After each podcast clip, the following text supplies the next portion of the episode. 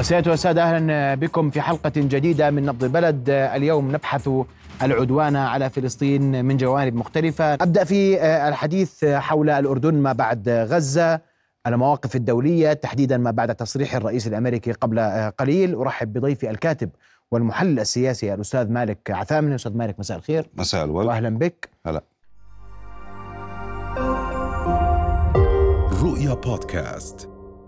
خبر آه، قبل لحظات نعم لكنه مهم جدا بايدن يتحدث أن على نتنياهو تغيير حكومته. يتحدث أن سلامة الشعب اليهودي كما ذكر باتت على ال- المحك ويتحدث عن هدنة جديدة لإطلاق سراح مئة رهينة كما أسماها عند حماس مئة أسير عند حماس وحماس يعني موقفها بده موقف. على وقف إطلاق النار نعم. أسمع تحليلك لماذا كل هذه التطورات في الساعة الأخيرة تحدث اليوم على المشهد العالمي. هلا في المتابعة للموقف الأمريكي، الموقف الأمريكي يعني سابقا منذ بداية العدوان الإسرائيلي ما بعد 7 أكتوبر كان كل كان موقف آه، أو تحليل واضح إنه كل ما طال أمد الحرب كل ما تغيرت الموقف، أمد الحرب أو أمد العدوان الإسرائيلي هي ليست حرب بقدر ما هي عدوان إسرائيلي همجي على غزة، كل ما طال أمد هذا العدوان كل ما كان ليس في صالح إسرائيل.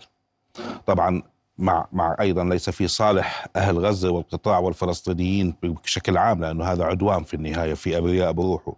لكن بالمواقف السياسية إسرائيل تخسر وتستنزف أمام العالم كل يوم أكثر وأكثر بسبب هذا التعنت وهذا الجنون وهذا السعار في هذه الحكومة اليمينية الإسرائيلية الممعنة والموغلة في في في في سعارها تجاه آه، أو مع آه، مواقفها آه، المتوحشة والخارجة عن كل ال- القانون الدولي والنظم الدولية. نعم. فأنت لما تحكي إنه آه، طول أمد الحرب آه، نعم مع السوشيال ميديا مع ثورة المعرفة والتكنولوجيا الرقمية وكل هذا رغم كل الحظر ومحاولات التقييد لكن ال- ال- الأخبار تصل إلى العالم وهذا يؤثر آه، على آه، الناخبين على رأي العام العالمي الذي يضغط بدوره على مؤسساته الرسمية. مثل أمريكا والولايات المتحده رغم كل انحيازها البشع والهمجي مع إسرائيل لكن في النهاية هناك تأثير.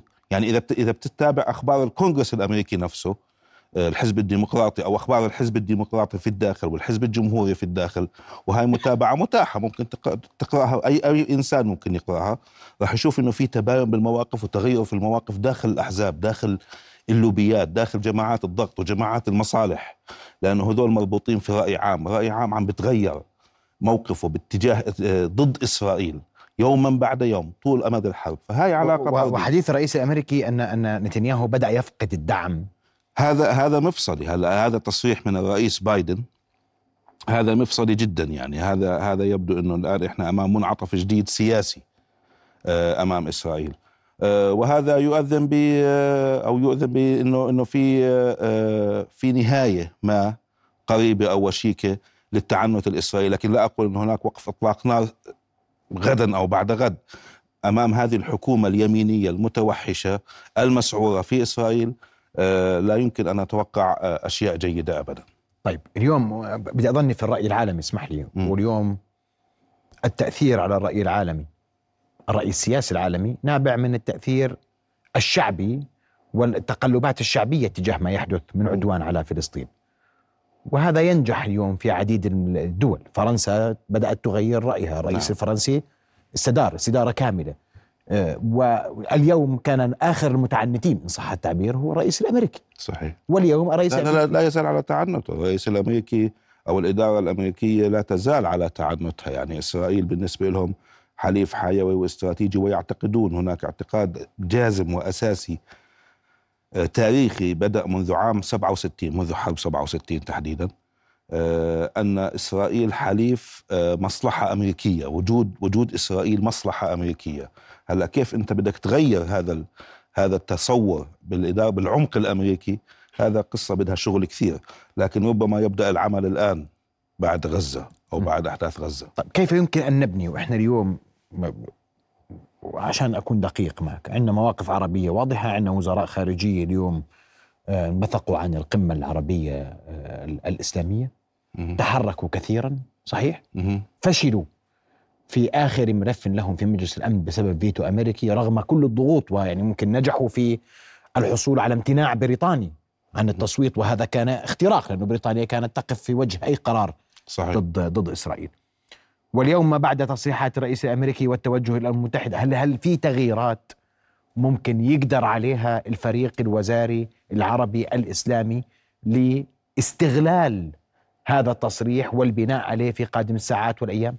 أعتقد نعم أعتقد إنه إحنا عدنا الآن للنقطة الأساسية ما قبل السابع من أكتوبر والتحذيرات الدائمة كانت من هذه الحكومة اللي كانت تعلن حكومة إسرائيل الحكومة اليمينية في إسرائيل اللي كانت تعلن دوما آه، نواياها العدوانية ونواياها التوسعية في العدوان نواياها المتوحشة والإبادة كانت واضحة في عناوينها منذ اللحظات الأولى لتشكيلها هذه حكومة مزاج المزاج العام الإسرائيلي الذي انزاح إلى اليمين كثيرا هو الذي أنتجها.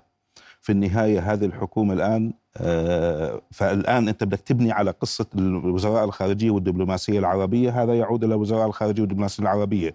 لكن دعنا نتحدث كيف نبني على على القادم من الأيام. على القادم أعتقد إنه إحنا يعني بجوز يكون كلامي خارج عن سياق الحدث الآن. لكن إذا بدنا نبني نبني ببناء الدول الحقيقية بناء الدولة الحقيقي عندنا في عالمنا العربي بناء منظومة الدولة الحقيقية بناء منظومة المؤسسات. هذا بخليني بس مشان أوضح النقطة وما أكون خارج السياق بشكل عبثي بس لازم توضيحها. يعني مثلا لما ندعو لإضراب أنا سعيد إنه يكون في إضراب لكن لما يكون في تنظيم لهذا الإضراب ضمن منظومة دولة ومؤسسات وقوانين. أما إضراب يجيني بحسابات social media هذا لم يعد اضرابا. آه، أصبح الآن عندنا فوضى في في في المواقف الشعبية والسياسية والأهلية والرسمية أيضا وتضارب في في في هاي المواقف. هذا يجب أن لا يحدث كل ذلك أوكي؟ هذا هذا يؤثر أيضا على سمعتنا ورأي العام العالمي فينا الفوضى.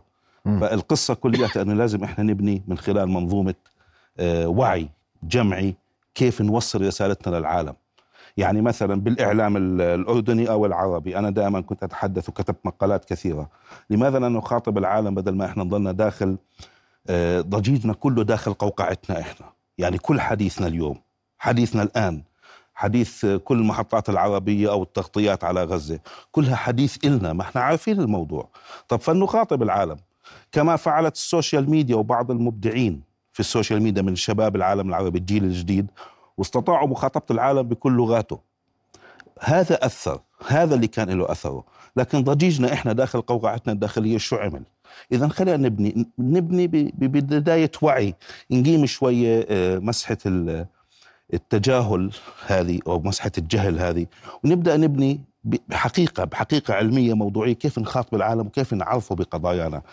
كثير من مواقف الرأي العام العالمي في أوروبا وفي الولايات المتحدة وممكن تشوفها أنت كثير بالمئات بالآلاف أصبحت الآن متغيرة تجاه القضية الفلسطينية، في ناس لأول مرة بيعرفوا عن النكبة. صارت كلمة نكبة لم تعد كلمة مفردة عربية باللغة العربية، أصبحت مصطلح معتمد عالميا مثل ما كان مرة مصطلح انتفاضة. انتفاضة. هي كلمة عربية من نف انتفض لكن نكبة أيضا أصبحت الآن مصطلح عالمي تسمع ناس كثير أمريكان هولنديين إنجليز عم بتحدثوا بقول لك يعني حتى ناس كبيرين في السن يعني. بقول أنا أول مرة بسمع عن نكبة وقرأت عنها. غزة وما حدث في غزة هو الذي أشعل الشرارة لكن تواصل العالم من خلال الثورة الرقمية والتكنولوجيا المعرفية هاي اللي إحنا فيها ووسائل التواصل الاجتماعي هي التي جعلت العالم يتشابك مع بعضه. ويصل إلى هذا الوعي بقضايانا. فإحنا لازم نركز على هالقصة هاي بدل ما نطلق النار على أنفسنا أو على أقدامنا آه، ونضلنا نعمل ضجيجنا كله داخل القوقعة تبعتنا. نعم. طيب آه سؤالي في ذات الإطار اليوم. اليوم رئيس وزراء الاحتلال يتحدث عن آه، لا آه، غزة بحماس. لن أعود إلى أخطاء أوسلو ولن أسمح لإسرائيل أن تعود لأخطاء أوسلو ويأتي هذا التصريح لاحقا له من بايدن. هل نتنياهو اليوم في ظرف لا يسمح له أن يتحدث إلا للرأي الداخلي الإسرائيلي لأنه يحاول أن يقنعه بأنه موجود وحاضر وقادر على اتخاذ قرارات وعلى اتخاذ إجراءات؟ لأنه اليوم على الأرض لا شيء تحقق عشان نكون دقيقين بمعنى كل مخططات الاحتلال على الأقل المعلنة لم تتحقق على الأرض. صحيح؟ صحيح 100% واليوم العالم إذا بدأ العالم يتغير اتجاه إسرائيل ويتغير اتجاه الدعم المطلق لهذه الحكومة ولجيش الاحتلال في عمليته العسكرية نتنياهو سيفقد كل شيء. خلينا نكون واضحين. آه، أول شيء آه، بنيامين نتنياهو كشخص هو آه، أطلق النار على عملية السلام منذ حكومته الأولى قبل سنوات طويلة. ودخلت عملية السلام منذ بدأ نتنياهو ويمينه تحديدا نتنياهو كشخص. بدأ عملية دفن عملية السلام منذ لحظات الأولى بحكوماته الأولى قبل عقدين من الزمن وأكثر. يعني أنت بتحكي عن رجل هو نفسه لا يؤمن في السلام. وهذا مش مش مخبأ ولا ولا ولا حرب غزة آه، أعلى كشفته يعني. القصة معروفة عنده من زمان. آه، أردنيا إحنا أردنيا آه، اللي بتذكر واي ريفر واتفاقيات واي ريفر اللي هي كانت كلها على إخفاقات أو محاولات نتنياهو بإجهاض عملية السلام المتعمدة. ورسالة من الملك الراحل الحسين موجهة إلى بنيامين نتنياهو مليئة بالاتهامات باتهاماته بالكذب آه، والخداع والمكر. هاي رسالة معلنة ونشرت. أوكي؟ أه يعني نتنياهو لم يكن يوما مؤمنا بالسلام فقضية عملية السلمية الآن موقف نتنياهو لما يقول لك أنه لن نعود إلى أوسلو هو أصلا لم يكن مؤمنا بأوسلو. نتنياهو حملته الأصوات الانتخاب الانتخابية الإسرائيلية محمولة على رفض أوسلو بعد اغتيال رابين. يعني معسكر السلام بدأ يتلاشى في إسرائيل. يعني مش معس... هم دائما بقول لك الإسرائيليين لا نجد شريكا في السلام معنا لا نجد شريكا في لا هذا كذبة علاقات عامة آه، مضللة. للعالم. الحقيقة إنه شريك السلام الإسرائيلي لم يعد موجودا. منذ بدايات منذ منذ منذ بدأت عملية السلام واغتيال رابين ثم قدوم نتنياهو هذا المزاج العام الإسرائيلي اللي انتخبه. يعني في النهاية هناك انتخابات إسرائيلية حمله المزاج الإسرائيلي الذي انزاح إلى إلى اليمين كثيرا. الأسباب في ذلك كثيرة ليس هو مجالها في في أسباب كثيرة ليش المزاج الإسرائيلي انزاح وليش التطرف تطرف أينما كان. أوكي؟ واليمين يخلق يمين. مضاد له ما بدك كل فعل له رد فعل. مساو له في القوة معاكس له في الاتجاه مساو له في القوة ربما أكثر كمان في القوة. نظرية الفيزيائية تنطبق على عالم السياسة أيضا. فاليمين يخلق يمين. بس بكل بساطة. طيب اليوم في موقف وأنا أتحدث أيضا في ذات الإطار. مسؤول آه، رفيع في حكومة الاحتلال تحدث أنه والله راح نفتح موضوع آه، آه، الخروج الناعم لأهالي قطاع غزة لدول أوروبا ودول غربية. في تأكيد من جديد أن هذه الحكومة تسعى لتهجير فلسطينيي غزة ومن ثم الضفة الغربية إلى مناطق مختلفة ومن ثم الدفع باتجاه الخيار المصري والخيار الأردني المرفوض من الطرفين. المرفوض المرفوض من الطرفين بقوة وبشراسة أيضا خاصة بالأردن تحديدا بالأردن. آه، موضوع التهجير وال transfer وال والإحلال الديموغرافي وهي قصة قديمة أيضا منذ بدايات إسرائيل الوثائق الإسرائيلية تكشف هذا المخطط دائما وهذا مخطط يميني إسرائيلي دائم آه، وأبدي. طول ما اليمين الإسرائيلي بيؤمن فيه فتوقع إنه سيكون دائما حاضرا. هلأ في عندنا مستويين من التخطيط حاليا في موضوع غزة الترحيل الإقليمي أو في الجوار الإقليمي يعني بالأماكن المجاورة اقليميا ويقال آه، أو ورد إنه آه، بعد 7 أكتوبر زيارة بلينكن الأولى كانت تحمل رسائل أمريكية بهالمعنى. توزيع كثير من سكان غزة على دول عربية وكان الرفض العربي واضح وهذا كان شيء مبشر بالخير على الأقل يعني. خف بلا يعني. ها؟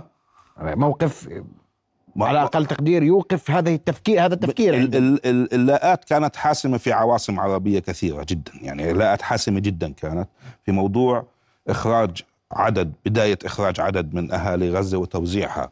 وهي فكرة يعني بلهاء ممكن تعتبرها لكن الأمريكيون دائما كانوا على مدار تاريخهم السياسي يحملون افكارا بلهاء دائما لكن مخيف ما يحدث وراء ذلك. هلأ اليمين الاسرائيلي لن يتوقف عن السعي لهذه القصة. الموضوع التهجير إلى سيناء أيضا آه، يعني واجه رفض مصري. إحنا رفضنا الأردني رفض مبدئي وجودي حيوي يعني هاي ما فيها مزح يعني ما فيها ما فيها حتى أي مجاملة أو مناورات بالموضوع الآن الخوف من التهجير الناعم أو ما تقول عنه الترحيل الناعم. هلا هاي فكرة آه، حدثت مثلا على النموذج السوري. اللجوء السوري ثم الترحيل الناعم إلى دول أوروبا وكندا والدول الغربية. هذا يعني يعتمد على يعني على عوامل كثيرة لنجاحه لكن لا أعتقد إنه إنه سينجح أيضا يعني مع مع الفظائع اللي حصلت. ولا أعتقد كمان إنه أوروبا ستتحمل آه، قنابل الغضب الموقوتة إيقاف الحرب مصلحة للعالم.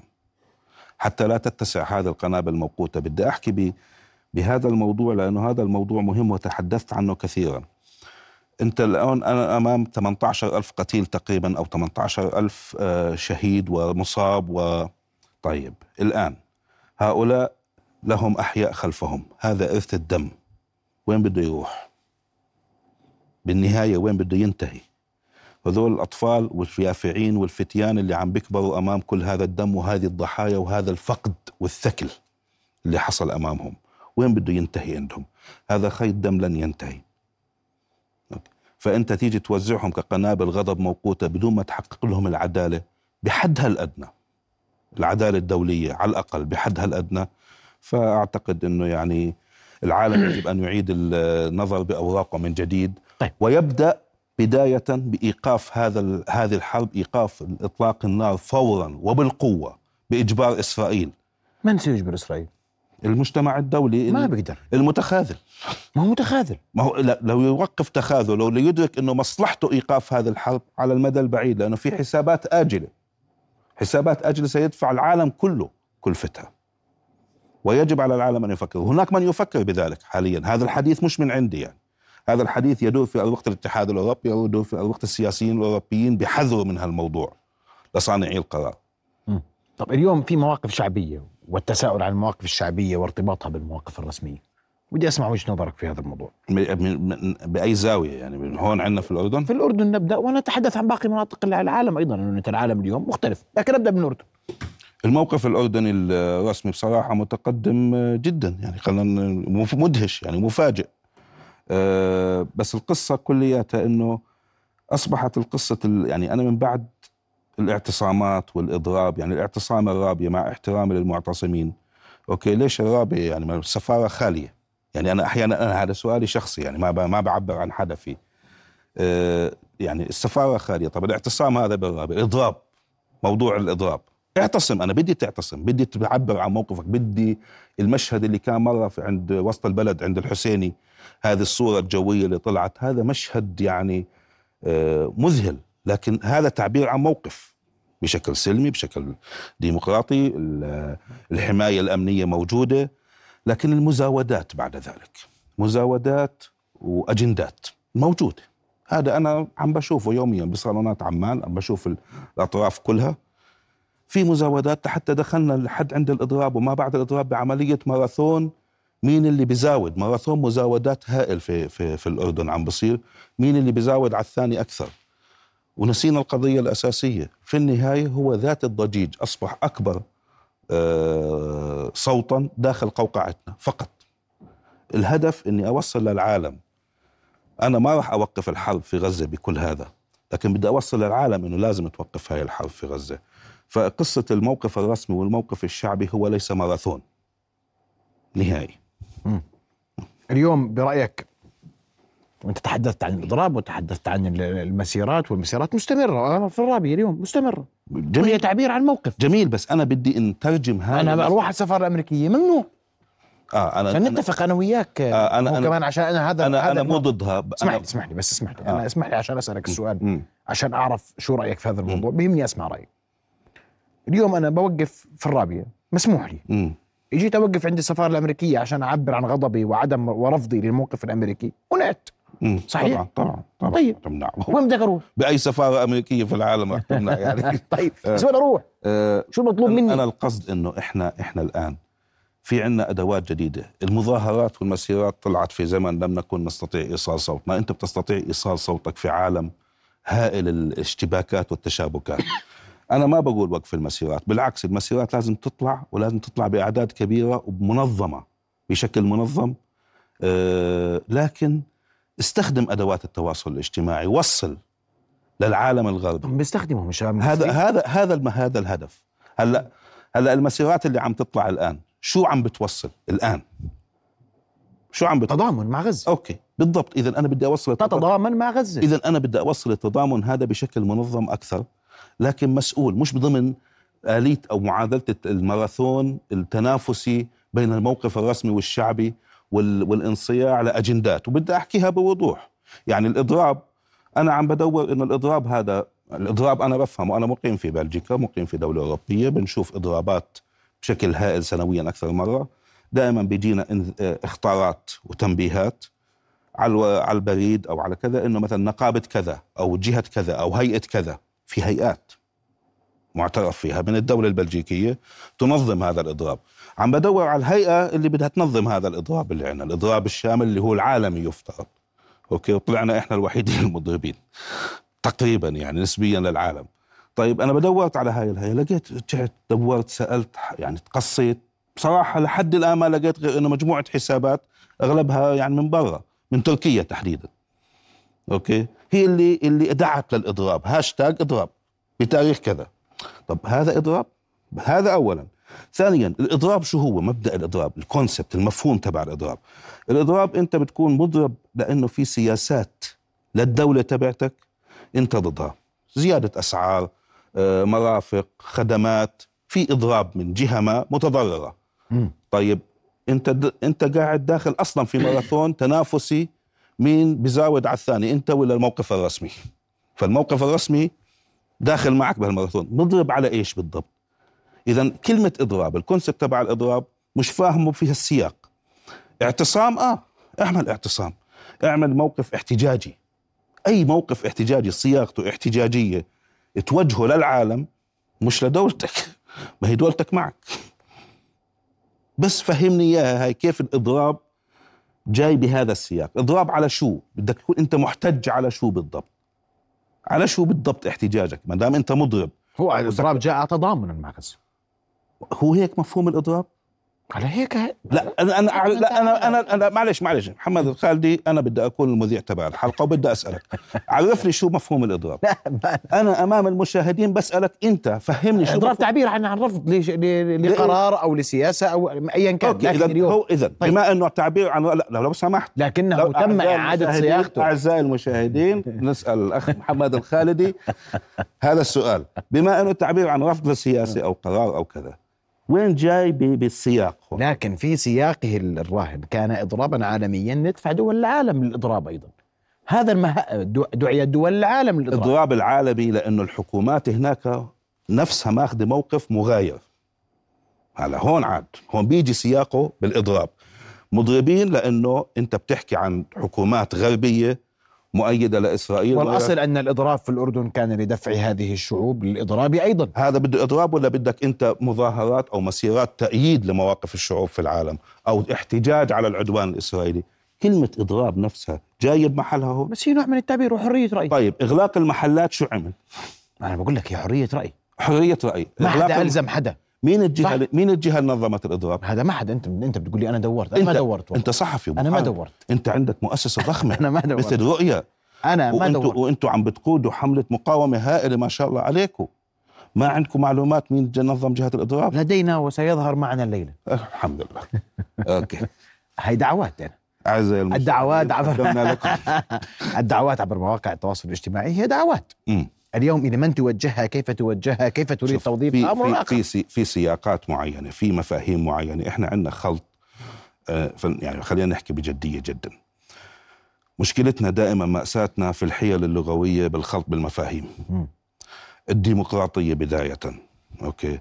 إحنا عندنا خلط بالمفاهيم أخذناها كروشته وتوقعنا انه إنه نأخذها كما هي لكن ال ال القيم هاي قيم مش مش ألفاظ نحتال عليها باستخدامها وإلقائها جزافا. الإضراب كلمة strike strike احتجاج على سياسة. okay؟ أنت داخل الدولة بتحتج على سياسة محلية. شو هي السياسة المحلية اللي أنت محتج عليها؟ شو شو القصة تبعتك؟ إذا اعتصام أما تتسكر آه، تقريبا أنا سألت مش متأكد من الرقم سألت إنه الإضراب تبع امبارح كان كلف 50 مليون. لليوم كله يعني. رف نمبر مش متأكد من المعلومة بس. هيك وصلني. صحيح. صحيح المعلومة؟ هذه المعلومة ذكرت أكثر من مرة نعم. ف 50 مليون. طب هذا لمصلحه من 50 مليون خسرناها إحنا. بالإضراب. كيف أنا الآن وقفت مع العالم وأنا خسران 50 مليون؟ باقتصادي المحلي. بس فهمني إياها. شو اللي حققته الآن؟ غير إني خسرت 50 مليون. برافو. غير هيك. الاعتصام ما كان ممكن نقول مثلا اعتصام مسيرة مؤيدة للإضراب في العالم. نطلع بفكرة مختلقة حقيقية ونشتغل نشغل ال social media. نتشابك مع العالم ونخليه يوقف مواقفنا. مش نخ... نخترع مواقف مشوهة غريبة جدا. ونخسر فيها 50 مليون مثلا ونسكر محلات وفي محلات أنا ما عم بجيب من عندي. أنا حكيت مع ناس امبارح بين عمان الغربية وعمان الشرقية. ناس بعرفهم. ليش سكرت؟ لو ما سكرت بتبهدل. من مين تتبهدل في ناس بيجوا ببهدلونا. بدوش يحكي. طب هذا شو هاي؟ هاي هاي أجواء مو مو مريحة ولا صحية. بس هاي موجودة أصلا. okay. بس هاي موجودة أجواء- أصلا هاي مش إذن- مش إذن- نقول ما نحملها للإضراب. يعني إحنا ال- ال- ال- اللي مش معي علي هاي موجودة. هذا. هاي بيئه بيئه بيئة اذا اذا. اذا اذا هذا نقص في الوعي. اذا هذا. نقص آه نقص في الوعي. معك. مين؟ مية نقص في الوعي. وعي مسؤولية مين؟ مسؤولية الدولة كلها. بالضبط. اذا إحنا بدنا نشتغل على هذا كله. أنا ما عم بقول لك إنه كمان الدولة مش غلطانة. الدولة غلطانة كثير بهذا الماراثون. يعني أنا صرت أحس إنه التصريحات السياسية مؤخرا الصادرة عن آه، عن الدولة الأردنية صار فيها نوع من الماراثون آه، السباق هذا إنه مين مين بزاود. طب أنا في عندي مصلحة أردنية في النهاية وإحنا خلص عملنا موقف هائل. الموقف الحقيقي والأول كان مش في مؤتمر القاهرة رأس الدولة الأردنية الملك. لم يبدأ موقفه في القاهرة بدأ قبل ذلك في الزيارة الأوروبية في برلين تحديدا يعني. مع المستشار الألماني اللي في المؤتمر الصحفي تحدث عن التهجير وكان الحديث في بداياته آنذاك وقف الملك وتحدث أول مرة عن خط أحمر وجريمة حرب. في مؤتمر القاهرة أضاف عليها المساءلة القانونية ومر عليها تماما وهي كان أول مرة بتحصل هذا تصعيد. جميل هون مواقفنا. لكن كان الموقف الثابت الأساسي وقف إطلاق النار إدخال المساعدات. إذا في موقف إنساني هون. أشكرك كل الشكر للكاتب المحلل السياسي أستاذ مالك عثامني على وجودك معنا ليلة شكرا لك. شكرا. رؤيا بودكاست.